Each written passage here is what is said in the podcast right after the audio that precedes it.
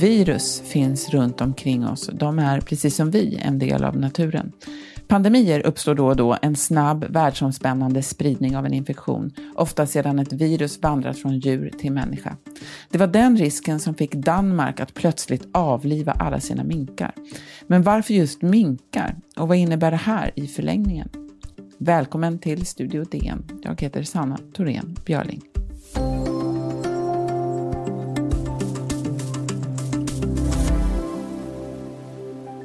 Ja, dagstidningen är ju bra, man kan lära sig mycket i den. Jag har lärt mig ett nytt ord, pälsning. Det är när man avlivar en mink. Minkar föds upp för sina skinns skull och pälsarna säljs på auktion. Men i Danmark misstänkte man att ett muterat covid-19-virus som minkarna bar på skulle kunna bli farligt för människor. Därför fattades beslut om att avliva alla 17 miljoner minkar i Danmark. Det var ett beslut som sedan visade sig vara olagligt. Men det är egentligen inte minkarna som är farliga, utan människan. Idag ska vi prata om hur det här hänger ihop och hur, och hur vårt sätt att leva ökar risken för nya pandemier. Och vi har med oss vetenskapsredaktör Maria Gunther och reporter Malena Johansson. Välkomna! Tack. Tack. Malena, om vi börjar med dig. Vad är det som händer på en minkpälsauktion? Ja, Eh, minkbranschen är ju ganska traditionell på det sättet att man har fortfarande ett antal fysiska auktioner Eh, om året där man säljer eh, stora, eh, stora partier med, med pälsar. Och då är det, finns det två stora auktionshus i världen, i världen. Ett som ligger i Köpenhamn och ett som ligger i Helsingfors dit det kommer folk från, från hela världen och, och budar hem de råa, de råa skinnen då, som sen säljs vidare och förädlas då när de ska till, till eh, modeindustrin. Just det. Och du har ju varit på en i Finland där, de, eh, där man säljer skinn då för 150 miljoner kronor per dag eh, under de här auktionerna. Det är ju enorma eh, summor. Nu är det den enda som är kvar då, eh, så att egentligen är ju minkbranschen i kris på grund av det som hände, hände i Danmark. Och hur, om du kan du beskriva det, hur gjordes den här upptäckten av sjuka minkar i Danmark? Ja, man, man eh, upptäckte ju eh, coronaviruset tidigt i våras i, i Nederländerna på, på minkfarmar där. Och då insåg man ju att coronaviruset sprider sig till minkar också. Och sen så dök det, har det dykt upp på, i flera olika länder, eh, bland annat i, i Sverige i höstas också. Eh, och i somras så kom det till Danmark då. Och det, de har ju, eller hade väldigt många minkar i Danmark. Det är ju den liksom, sto, stora delen av minkproduktionen eh, finns i Danmark, eller fanns i Danmark. Eh, och eh, då under hösten då så fick man inte bukt med det här helt enkelt, utan det, det fortsatte liksom att sprida sig bland, bland farmarna i Danmark då under hösten. Mm. Maria, vad är det för problem med att vara nära djuren på det här sättet? Ja, det är ju det. Alltså, när djur och människor lever nära varandra så är det lättare för virus, eller bakterier eller parasiter och sånt att hoppa från en art till en annan. Och det är ju speciellt då när man har sån här storskalig djurhållning, där många, många djur lever tätt, tätt tillsammans. Då kan liksom virus lätt hoppa från ett djur till ett annat och sen över till människan, eller åt andra hållet, från människan till djur. Mm. För man, vad är det egentligen som har förändrats då? Du är lite inne på det, för man inbillar sig att vi levde när, närmare djuren förr i världen. Alltså, människor levde absolut närmare djur förr i tiden, men då hade man inte den här storskaligheten. Och vi levde liksom inte heller, om man nu kommer in på pandemier, så levde vi inte nära vilda djur på samma sätt. Alltså när vi var många färre människor på jorden så fanns det mycket mer orörd vildmark. För att om man, på många håll i världen så kan man liksom se direkta samband mellan att man skövlar regnskog och utbrott av sjukdomar. För då är det som fladdermöss och råttor, de är två såna här folk, eh, djurgrupper som som bär på många virus som är potentiellt farliga. Och man, kan, man har faktiskt sett då att liksom när, när fladdermössens naturliga miljöer försvinner, eller förstörs eller minskas, så att de alltså måste flytta in i städerna och rent att bo i liksom hu, eh, taken på hus, alltså då uppstår nya sjukdomar mm. hos människor. Men det är ju inte heller bara djuren, skriver du i, i det eh, som är problemen här. Du räknar upp flera saker i vår livsstil. Eh, vad är det för fel på vår livsstil om man tänker sig i termer av pandemi? Ja, alltså det är ju då avskogning som jag sa, exploatering av naturen, men också, också då intensivt jordbruk. och sån här, just den här storskalig djurhållning. Och sen även också handel och exploatering med vilda djur. Alltså, som, som man håller på på den här djurmarknaden i Wuhan, det var ju att man handlade med exotiska djur. Och sen också då, plus då att vi har en enorm ökning av internationella resor, så då kan ju, då kan ju det som förut var en epidemi nu bli en pandemi, för den kan ju sprida sig fort över hela världen. Mm. Malena, vad har det här med minkpäls att göra? Hur ser eh, efterfrågan ut på minkpäls? Ja, jag tror att eh, många tänker sig kanske att, eh, att, att det här med att bära päls är någonting som är på väg ut, liksom, att det är lite passé. Men det finns ju den stora, stora efterfrågan på minkpäls finns i Kina. Ehm, eh, och samtidigt så är det ju så att i Kina så inspireras de ju precis som alla andra av modet i, i västvärlden. Eh, och det är ju här liksom under 1900-talet som det här modet med päls har, har kommit fram. Och sen så har ju djurets eh, aktivister och så vidare protesterat mot det här med att bära päls och det har blivit många modehus som, ehm, som har tagit avstånd från, från att använda päls och som inte vill göra det. Samtidigt så kan man ju se stora eh, världskändisar som Kim Kardashian och Cardi B till exempel som, som gärna visar sig i päls och sådär. Så att det finns ett stort motstånd mot päls men det lever också vidare samtidigt. I, I Danmark så valde man ju då för att man blev så rädd att det här skulle Eh, komma till, till människan i en form som var eh, mer motståndskraftig och döda en massa minkar. Eh, utrotning av de här, den här typen, eh, alltså man skulle utrota en art, det verkar ju ändå inte vara något bra alternativ. Eh, då borde ju också mångfalden minska. Så det, vad, vad, säger du Maria, vad, vad ska man göra åt ja. Alltså att, det har ju, eftersom nu till exempel här, vår nuvarande pandemi är ett virus som kommer från fladdermöss, så har det varit så diskussioner vi ska utrota alla fladdermöss då. Men grejen är att det går inte att utrota en hel djurgrupp. Och, då, och det, några kommer alltid att överleva och de som överlever är ju de som är farligast. Det är de här generalisterna som kan klara sig överallt och bli ännu fler och som kan klara sig i många olika miljöer. Och så kommer vi förlora liksom de mer känsliga och eh, ovanliga arterna. Då. Så utrotning funkar inte. Det kan till och med göra att det blir mycket värre. Mm. Vi ska strax eh, prata mer om hur vårt sätt att leva kan bana väg för fler pandemier.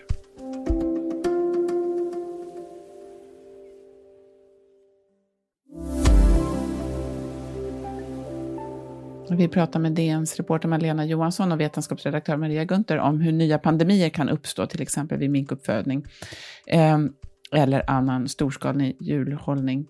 Eh, ett, en annan sak här är ju som ni båda nämner i förbigående, det handlar ju dels om då ett virus som kan förändras förändra sig och bli mer motståndskraftigt. En annan sak som ni båda nämner är ju antibiotikaresistens. Det är ju, det är ju någonting annat här, men som eh, ändå är relevant i sammanhanget. Eh, hur då, Maria? Ja, alltså virus och bakterier och såna här, de, de, eh, de har ju väldigt korta livscykler som förändras när de infekterar nya arter och de anpassar sig hela tiden till nya, till nya förhållanden. Så att om man, nu när man har använt väldigt mycket så här, antibiotika, antivirala preparat och annat i jordbruk och veterinärmedicin, så då har man ju också drivit på att de, de virus och bakterier som finns naturligt, att de får ökad läkemedelsresistens. Och det ökar ju risk då för sjukdomar hos djur och människor som vi inte kan behandla. Mm. De där minkuppfödarna som du träffade, Malena, är, är, de, på vilket sätt, är de medvetna? De är ju förstås naturligtvis medvetna om den här risken. Vad säger de om hur de kan förändra sin, sin produktion? Eh, ja, alltså man ska ju säga att det här i Danmark eh, har det ju blivit en jättestor skandal och det är väldigt många som tycker att det här var ett liksom, skandalöst beslut. Det visade sig vara ett olagligt beslut att, eh, Ehm, att eh, då beordra att man skulle döda alla minkar och döda även friska minkar. Då. Eh, och det är, såklart att eh, inom minkbranschen så ser man ju att det här eh, går att få kontroll på. Och eh, liksom med kontrollmetoder och genom att eh, eventuella vaccin och så vidare, att det här liksom eh, inte... Man ska kunna hantera det här helt enkelt på ett sätt så att det inte är eh, farligt för människor. Mm. En som du har pratat med är ju eh, eh, auktions, eh, pälsmäklaren Alex Tarantola som är verksam i Finland och han, eh, han säger så här. I mean, we've seen avian flu, we've seen uh, all sorts, uh, met cow disease, we, we've seen a lot of diseases. You know, we live with animals, so of course it's going to happen. Um, And I understand the people that say, but we need to eat, but we don't need to wear fur. I, I, I understand that. But again, I feel that the freedom of choice of people is really important. When we start dictating what you can and cannot have, it's a dangerous route. Han pratar här om det fria, fria valet, att vi måste kunna välja vad vi vill ha på oss till exempel. Um, vad, vad, vad, tror att han, vad, vad, kommer han att göra framöver? Han är ju, eh, vill ju ha kvar sin, sin verksamhet och sin, sin inkomst. Eh, ja, och det är väl, eh, det är väl så att man, man att, eh, vi hoppas ju att få, få bukt med corona, coronapandemin såklart även i, i mänskligheten och då hoppas man ju att det, den, även, det gäller även minkarna så att säga. Eh, man kan ju säga att det här med minkarna, Eh, det finns ju två olika eh, saker som man då pratar om med faran med minkarna. Det ena är ju det här som var, blev väldigt stort i Danmark, att man pratar om mutationer som eventuellt skulle kunna undslippa ett, ett vaccin. Då. Och det har ju hittills inte visat sig att det har kommit mutationer bland minkarna som har som har, som har varit som skulle kunna liksom undgå ett vaccin eller som har blivit liksom farligare för människor och så. Men det kan man ju inte veta heller. Det, vi vet inte helt enkelt om det kan uppstå eller inte. Sen är ju den andra faran eh, som forskare, en del forskare kanske tycker är det egentliga problemet, att om man har väldigt många minkar på ett ställe så kan det bli som en reservoar för viruset och att viruset liksom kan leva vidare där och eventuellt då hoppa tillbaka till, till människan. Och därför så blir ju kanske Danmark extra relevant då, eftersom ja, det var som en forskare som jag pratade med som sa att ja, de hade 17 miljoner minkar och en befolkning som kanske är på 5-6 miljoner tror jag. Så det är tre gånger så många minkar som människor. Och då är det klart att eh, ja, då kan, det finns en risk att viruset liksom kan leva kvar där även när det liksom minskar bland den mänskliga befolkningen. Då. Är det här, Maria, är det här relevant i all, för alla djurarter? Finns det an, liksom, kan det vara även alltså, nötkreatur eller grisar och så som vi har kanske mer för mathållning? Ja, alltså det här med reservoarer tycker jag är jätteintressant för att jag, jag har sett folk som har jämfört det här med, att, med de har jämfört det här coronaviruset med att vi har utrotat smittkoppor till exempel. Alltså nu är det ett annat spår här, men vi kan, det, smittkoppor kunde vi utrota för att det bara drabbar människor. Alltså vi kan, det är de enda sjukdomar som vi överhuvudtaget är möjliga att utrota helt och hållet är sjukdomar som bara, som bara smittar människor, inte några andra djur. Så finns det djur, finns det djur som kan få en sjukdom, då kommer, vi, då kommer den alltid kunna ligga och pyra någonstans, även om vi utrotar den, tror att vi utrotar den bland människor. Så att, mm. Jag blir lite nyfiken här också. Det, det, ni skriver här att 70 procent ungefär av nya sjukdomar kommer från just det här att någonting hoppar från djur till människa. Resten då, de andra 30 procenten, var kommer de ifrån? Ja, det, det finns lite olika. Så man, det finns, dels finns det ju även, alltså det finns även bakterier och parasiter som finns naturligt hos människor som kan förändras och börja orsaka sjukdom. Alltså det, jag, jag läste några exempel på att man tror att röda hund och difteri och gonorré är sådana sjukdomar. Och sen så kan det, finns det ju sådana här eh, ja, sådana sjukdomsalstrande kan finnas i jord och vatten och ruttnande växter och djurkroppar och avföring och sånt. Men, men de flesta, som säger, de allra flesta, eh, runt, ja, uppskattningsvis 70 procent, kommer från djur. Mm. Det finns ju en intressant koppling här också till, till klimatkrisen. Hur, hur ser den ut? Ja, alltså det är ju det här att eh, man kan se att pandemin som vi har nu, det är liksom Eh, en forskare jag pratade med han kallar att det här är liksom ett symptom på samma kris som, som klimatet och biologiska mångfalden. För att alltså när vi, klimatförändringarna och när, vi, när de ökar och vi minskar den biologiska mångfalden genom att hugga ner regnskog och, så där, och bedriva intensivt jordbruk, då ökar vi risken för nya pandemier som kanske är ännu dödligare än covid-19. Då. Och, eh, så att det är all, allt, allt som vi gör som driver djur och människor närmare varandra eller som det, kom, det ökar risken för nya typer av sjukdomar och nya pandemier. Mm. Men vad tror ni, när kommer nästa pandemi? Är det inom ett år, inom fem, tio, eller tjugo eller femtio år?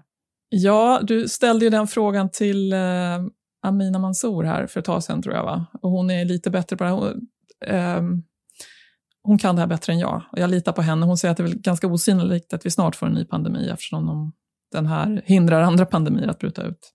Men jag vågar inte riktigt säga något, ord, eh, något år, men jag tror inte fem år. Det tror jag, jag tror att det är längre. Men... vad säger du, eh, Malena? Vad säger de som du har pratat med om parningen nu som står eh, under våren? Kommer man att para vinkarna nu? Ja, det är det som svenska myndigheter eh, ska besluta, besluta nu.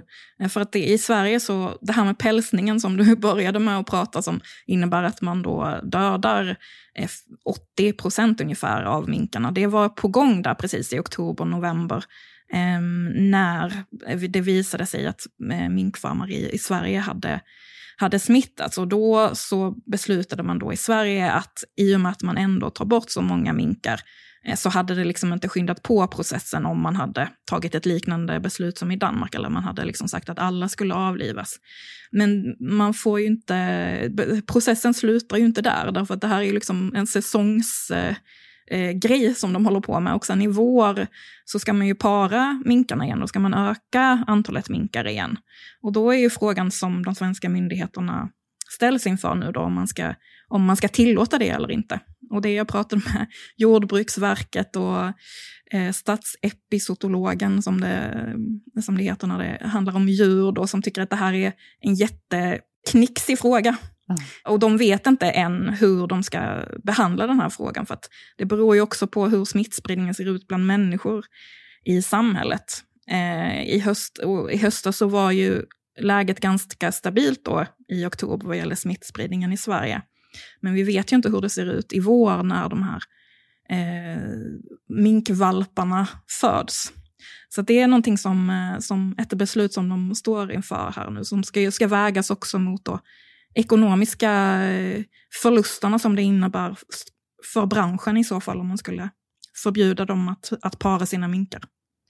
Maria, avslutningsvis, vad tror du? Eh, kommer vi, vi kommer vi aldrig kunna eh, ta bort hotet från pandemier, det kommer alltid komma nya pandemier, men, och vår livsstil ser ut som den, det är, ganska, det, det är svårt att ändra den väldigt snabbt, även om vi har gjort eh, stora förändringar sedan i våras. Men vad tror du skulle kunna minska risken för, för nya pandemier eh, inom, liksom, inom överskådlig framtid? Vad, vad, kan, vad kan man göra som inte är en total omställning av hela vårt sätt att leva? Ja, bra fråga, men det är ju Alltså dels så pågår det ju hela tiden såna övervakningar, alltså, alltså så, så, att man ska vara uppmärksam på, på om det kommer nya utbrott. Men alltså den här, om man, alltså den här djur, alltså den här typen av handel med vilda djur som de har på djurmarknader, att sluta med sånt, det, alltså det och, och att låta en del urskog stå kvar. Eller, det är ju, det tror jag, båda de, de sakerna är otroligt viktiga. Och, och inte bara för pandemier, utan även för, för djurvälfärd och för, för, för världen i allmänhet och för klimatet. Tusen tack Maria Gunther och Malena, Malena Johansson. Tack så mycket. Tack. Studio DN görs för Podplay av producent Sabina Marmelakai, exekutiv producent Augustin Erba, ljudtekniker Patrik Miesenberger och teknik Jonas Lindskog, Power Media. Jag heter Sanna Thorén Björling. you